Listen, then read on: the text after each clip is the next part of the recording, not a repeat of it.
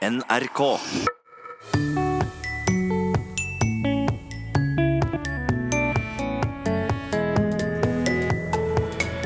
Lars Mytting avslører språklig tabbe i sin siste roman 'Søsterklokkene'. Det kom faktisk på, på Facebook-sida til Språkteigen en uh, glitrende innvending som, uh, som, imponerte meg stort. Fordi uh, i, i, boka, så når de hilser på hverandre, så sier de 'morgen'. Men det var ikke i bruk på den måten i 1880. Forfatterens forhold til språk handler òg om jakt på buljongterninger, og om å finne opp ord.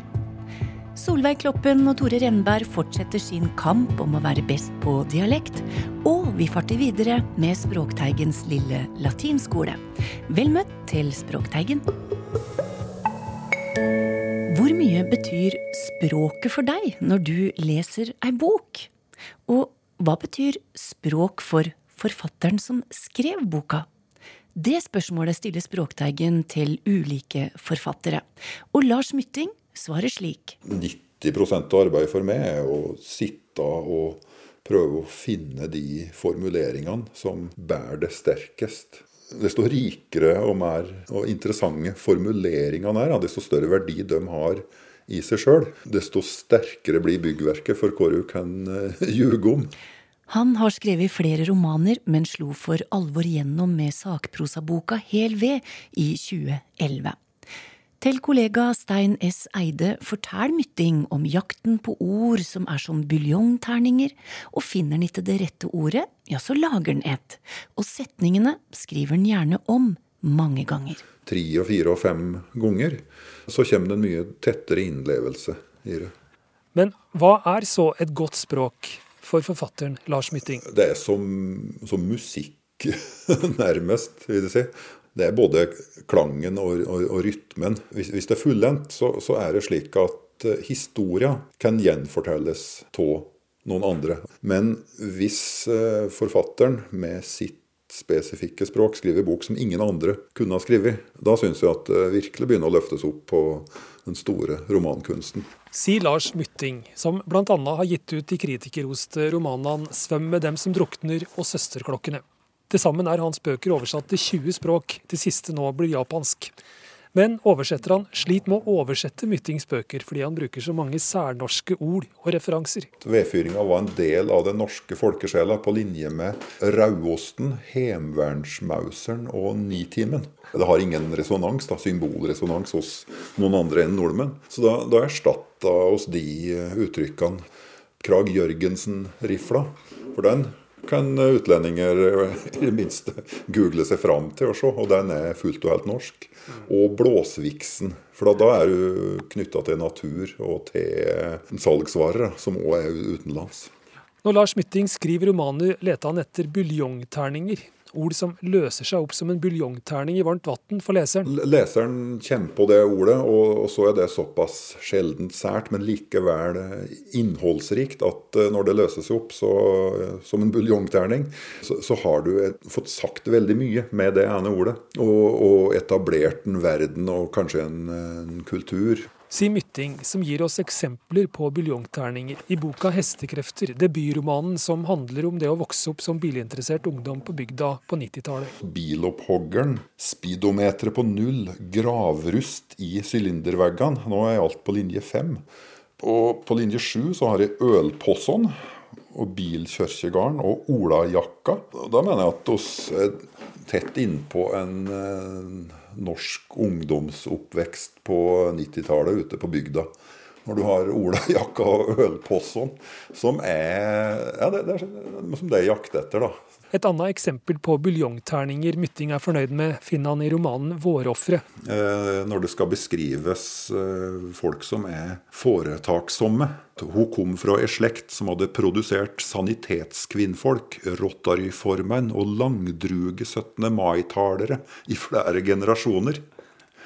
Og da har du med en gang den uh, lederskikkelsene i, i, i bygd. Rotary-formenn og sanitetskvinnfolk. Men aller viktigst langdruge 17. mai-talere. Men da Mytting trodde han hadde funnet oppskrifta på hvordan få et godt språk i bøkene sine ved å finne buljongterninger, så oppdaga han at så lett var det ikke. Jeg husker da jeg begynte på andre romanen min, på, på 'Vårofre'. og prøvde å bruke de samme grepene som jeg etter hvert syns effekter i hestekrefter, så bare avviste den historien hele det, det språket. Og i 'Svøm med dem som drukner', der funker det ikke med tredjeperson.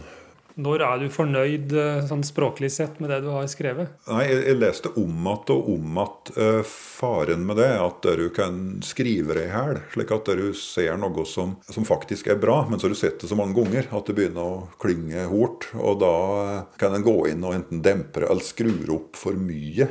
Pakke inn enda mer inn i setningen. All lesing er jo en, uh, eh, spontan opplevelse, og, og, og den blir fort borte borte mens en skriver. Så det er om å gjøre å gjenkjenne og ikke, og ikke herje for mye med det. I en roman så er det ikke slik at du i hvert fall ikke gjør at er fælt til denne veldig musikaliteten overalt. Av og til må du bare slå nedpå og si at noen setter seg i bilen og kjører til Gjøvik.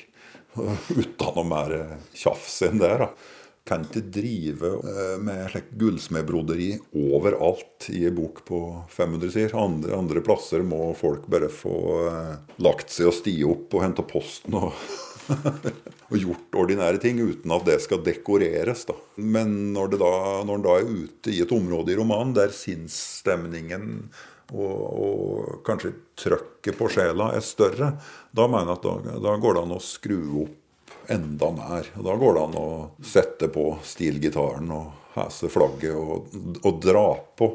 Liker jeg, da. Flytt meg bort ifra det som, eh, som ofte kan si, er beundra i den norske romankunsten. Det å være nedpå og si store ting med smål. Altså det er en kunst og som, som er å beundre.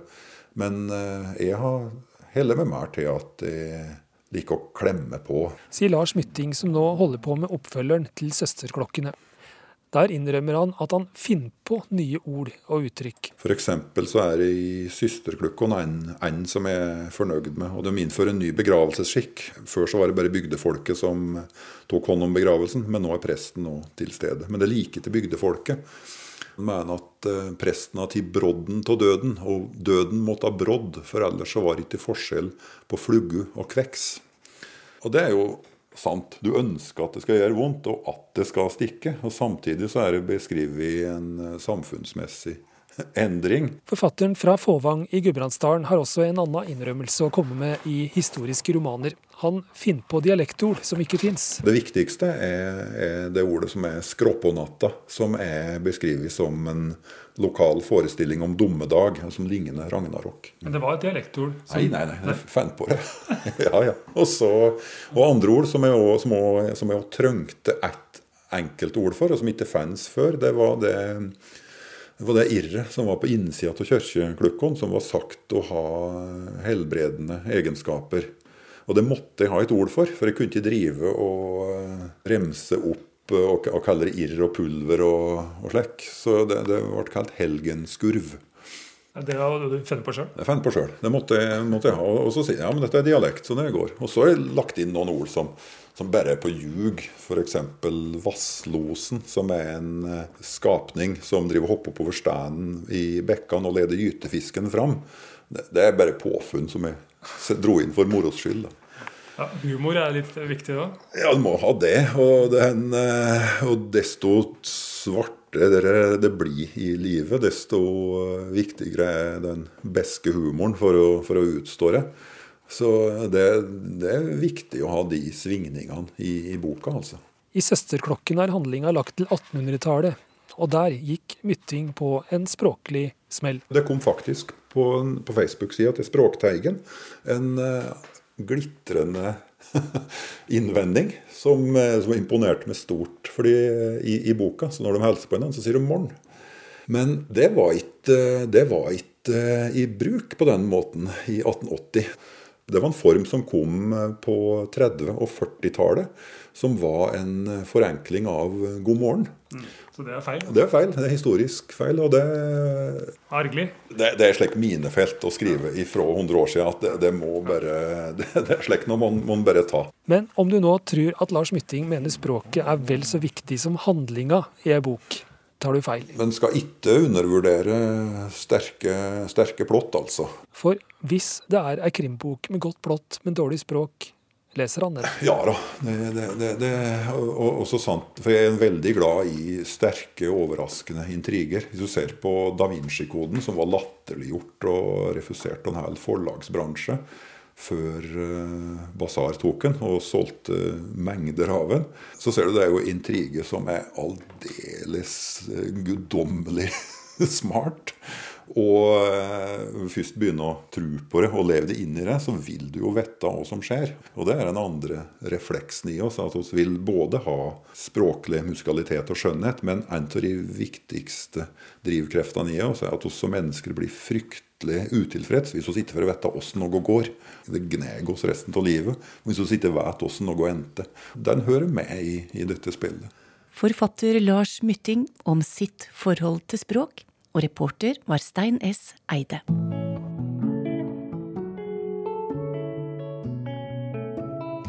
Nå skal Solveig Kloppen og Tore Renberg få fortsette kampen om å være best på dialekt. Sammen med sine respektive makkere og språkforskere, Martin Sjekland og Britt Mælum. Åse Vettås er dommer i dialektkonkurransen Høtt sa du, og sist vi forlot laga, var stillingen 2-2. I dag deler programleder Linda Eide ut nye oppgaver. Vi tar oppgavetypen der de får vite ordet, og de får til og med vite hvor det er ifra. Men likevel er det ikke sikkert de vet hva det betyr. Vi kjører på med et ord som en kan finne faktisk eh, mange steder i landet, men som kanskje ble brukt mer før enn nå. Det er krimsjuk. Ja. Det betyr uh, forkjøla. Gjør det det? Ja. Krimsjuk? Hvor, bruker, hvor sier de det? Jeg bare leser det i nynorsk litteratur. Ja, for det har ikke noe med kriminalitet Det er Nei, det har ikke noe med kriminalitet å Men enten er det influensa, eller så er det rett og slett bare forkjølelse. Jeg, jeg må tippe. Ja. Krimsjuk. Ja. Hva sier du? Så? Ja, krim, for hva er krim, da? Det er uh, snørr, det, da. Ja, kanskje snør. det. Ja. Snørr, rett og slett. Ja. Dette, dette... Vondt i halsen og forkjøla. Ja. Får jeg si en, en liten ting om, eh, om, krim? For eh, jeg er nemlig så heldig at eh, jeg har skrevet ordartikkelen om det i Norsk ja. ordbok i sin tid. Og krim det er jo da slim, men å være krimsjuk det, er, det kan være alt fra nesehøyde og faktisk helt ned i lungene i forskjellige versjoner og i forskjellige dialekter. Så, men, det, men, det, er eh, Vi snakker om eh, øre-nese-hals-regionen. Ja, ja, ja. Det er det som jeg er i dag, det. Ja, ikke sant? Vel, du er jo ekte krimsjuk. Nå har vi både teoretisk og i praksis. Får vi ett poeng? Det må jo bli poeng. Det må bli poeng. Yep. Neste ord det er et ord som i alle fall blir brukt i Valle i Setesdal. Og det er Jeg skal prøve å si det på den måten òg. Lonegofa. Lonegofa. Oi. Det, det, er sikkert noen bestefar. Et goffa, ja. Goffa er, be, gofa er en bestefar, eller ja. ja. Hvis det siste leddet er bestefar. Kanskje lånegatte deg en ekstra bestefar som du har lån, lånt? Liksom bonusbestefar? Bonus, bonusbestefar. Bonus det er ikke helt rett, så da går det over til dere. Vi tror det er oldefar. Det tror vi. Det er helt riv ruskende gale, begge deler. Lånegofa det er en sånn eh, larve som går oppover bjørkestammen og så slår han seg ut og blir en sånn rustspinner eh, Dette må jeg nett se i papirene, for dette er jo en eh, berømt uh, sommerfugl. Som da heter um, rustvingerspinner. Ja. Men du Linda, hvordan skulle jeg klart å resonnere meg fram til det? Nei, det er helt sant. Og kanskje det beste Begge lagene viste vel at de skjønte litt av ordet. Det syns jeg var imponerende. Ja, de skjønner det siste leddet, for det er jo rett og slett Goffa eller bestefar. Mm. Ja. Men det blir kanskje ingen poeng, da? eller? Nei, jeg syns at uh, ha, Nå har de litt et halvt poeng liggende ja. sånn i bakhodet mitt. Og ja. hvis de imponerer veldig, så kan det bli et helt av det etter hvert. Vi gjør det sånn. Mm. Neste oppgave de har vært så sporty at de har sagt ja til vår utfordring mm. om å imitere en dialekt du tror du kan. Og så skal da i dette tilfellet Martin prøve å tippe hva dialekt Solveig prøver seg på. Ok, uh, Den handler egentlig om min søster, for hun har bodd i denne byen i mange år. Uh, og det, det, er en sann historie. De var på vei til barnehagen, hun og min niese. Det var i november. Det hadde, det hadde regnet siden uh, Festspillen var over.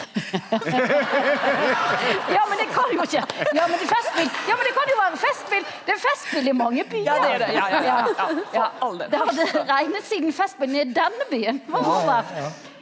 Og så ser eh, min niese opp på min søster, og så sier hun Mamma, sant vi har sett solen en gang?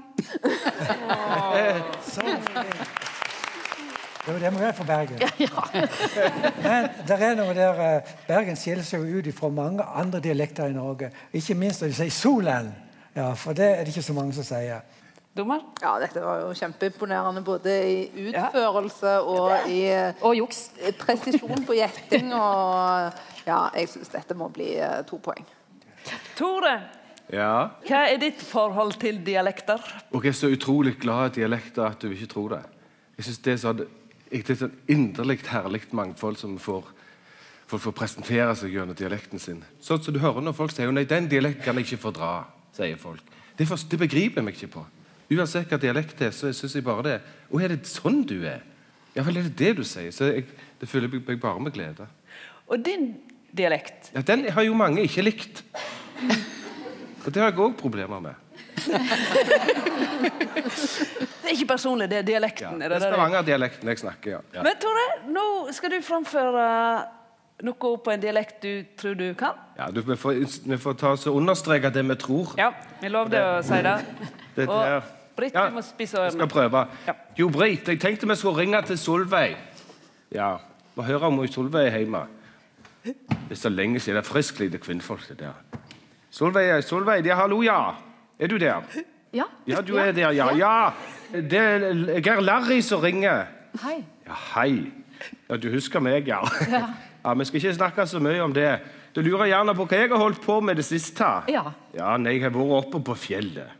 Skutt litt og sånn. Så var vi inne og fiska og hadde med han Jon Sigurd. Og hadde med han han eh, Geir Kevin, ja, du husker Geir Kevin? Ja. Ja.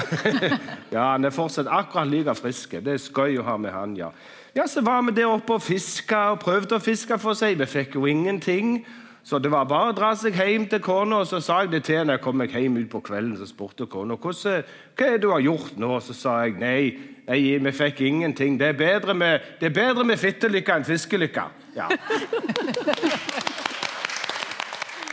Du hørtes helt autentisk ut, altså, men dette der er slike område som jeg eh, Du hadde A-infinitiver, og så hadde du mye svarabakti-vokaler. Men jeg har Det er heller ingen Ja, vi, har, vi stopper der. sant? Svarabakti-vokal, det har vi vært innom bitte litt før. Tore, lurer du på hva det er?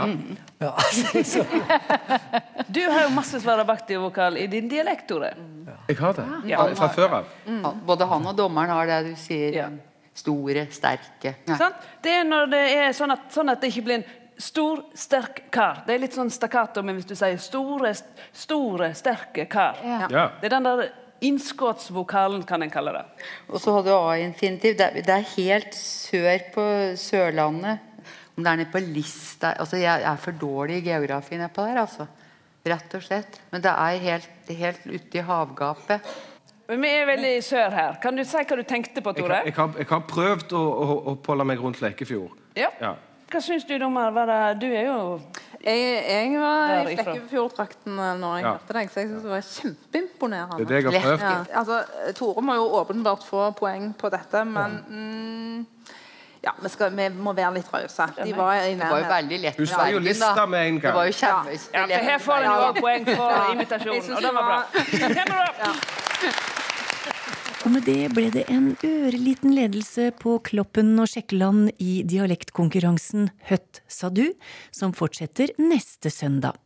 Konkurransen er et samarbeid mellom Språkrådet og Nasjonalbiblioteket.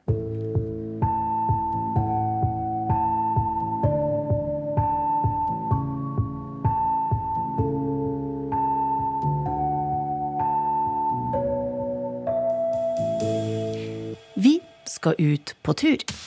På farten med Språkteigens lille latinskole. Vi forlot reiseleder Vibeke Roggen i Hellas forrige uke, og det passer fint å oppsøke hun der igjen. For i dag skal vi se litt større på tilværelsen og høre om verdensdeler.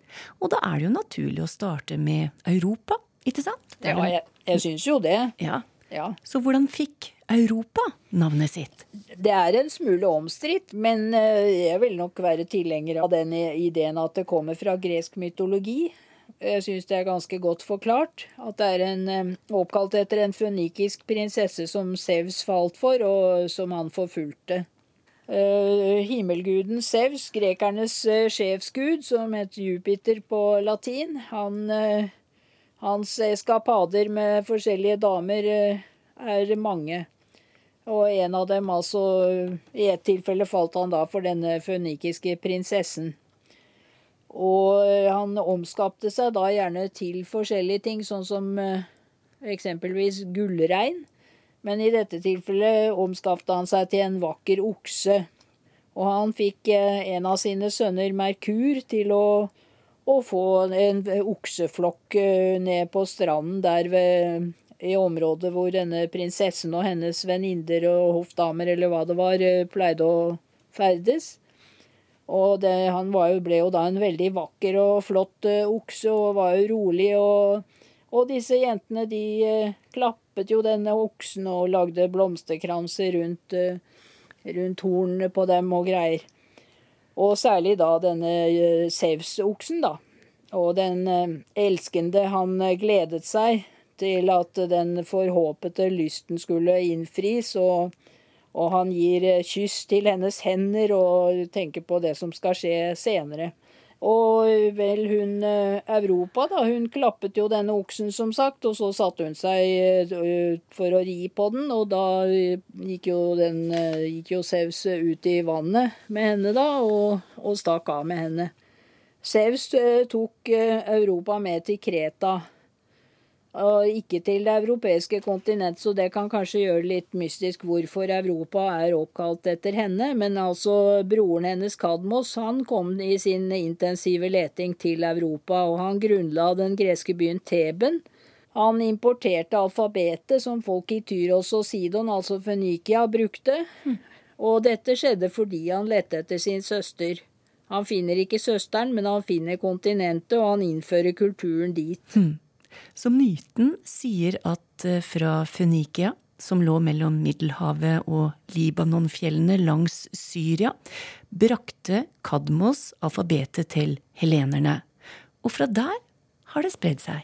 Ja, det ble tilpasset til det greske språket, til det muntlige språket, da.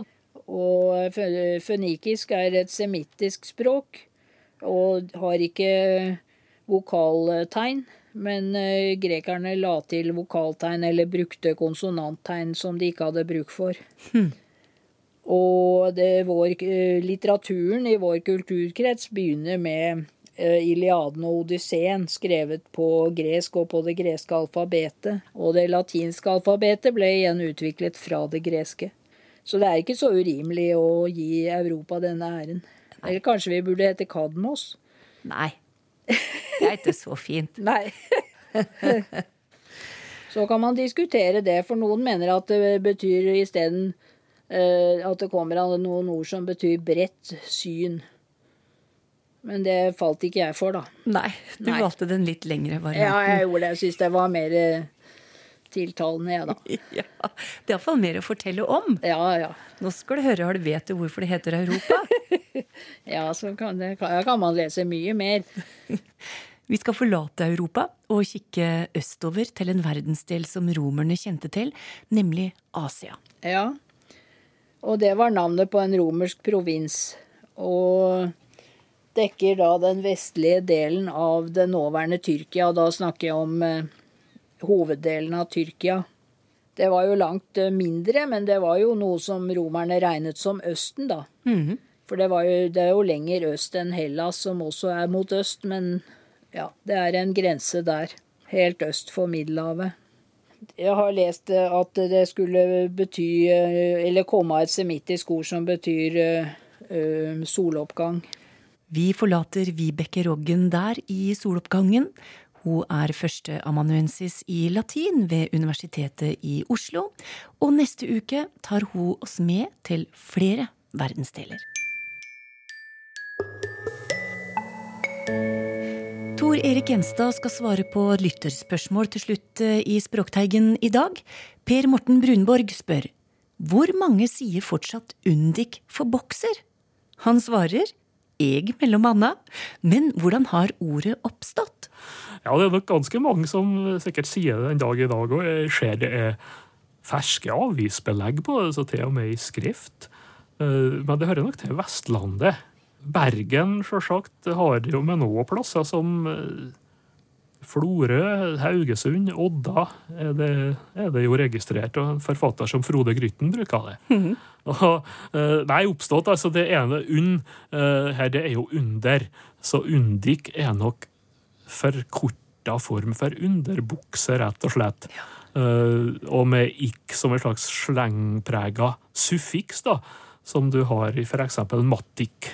Uh, og du, du, har, og de er mer sjelden, men du finner altså badikk om badedrakt og strømpikk om strømpebukse. Men undikk er nå sikkert mer vanlig. En uh, variant, uh, slengvariant fra Kristiansund, det er jo punnis. om ondbruk, som vi sier da, eller underbukse. Og da er det jo forma pund for under eller opp under, da. Og så er det en fortsettelse på det spørsmålet for Marja Anniki Ask. Hun merka seg dette når det kom på Facebook. Og så sier hun apropos Undik. På Mo i Rana så sa de at den gikk i unnspretten dersom en hadde klær på OATL, men gikk uten truse eller bukse, da. Ja.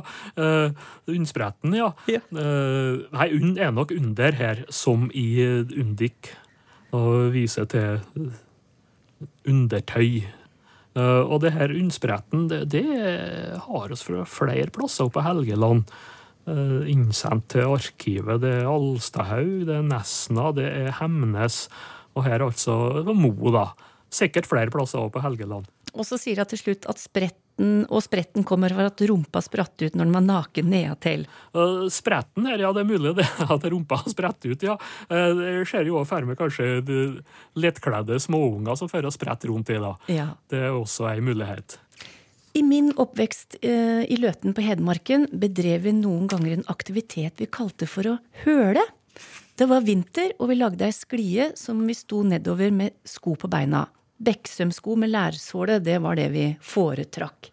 Og denne der sklia kunne både bli bratt og, og, lang og veldig isete. Men hva kan opprinnelsen til å høle være, spør Eivind Liven. Ja, ei slik sklie hun bør jo være glatt, da, eller hål.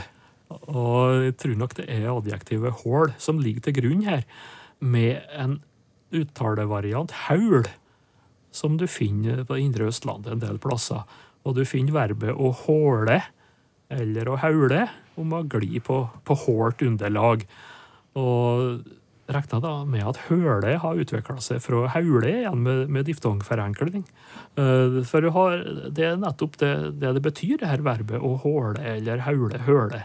Og det er det samme som hål? Ja, det er vel det, altså. Ja. Variant på det. Uh, det kan òg hete å, å aka hålsko eller aka haulsko. Eller stå på hålsko. Uh, og ei slik sklie da kan det være ei hålskorenne. Eller som Våler i Solør, ei haularrenne. Altså en sklibane. Så det, det, er nok det det kommer av. Uh, for å si han fra, et ordtak fra Gausdal Det er noe å stå etter, sa mannen som stupte på hålskoen. Takk til deg, Tor Erik Gjenstad. Språkteigen er tilbake neste uke. Ha det bra.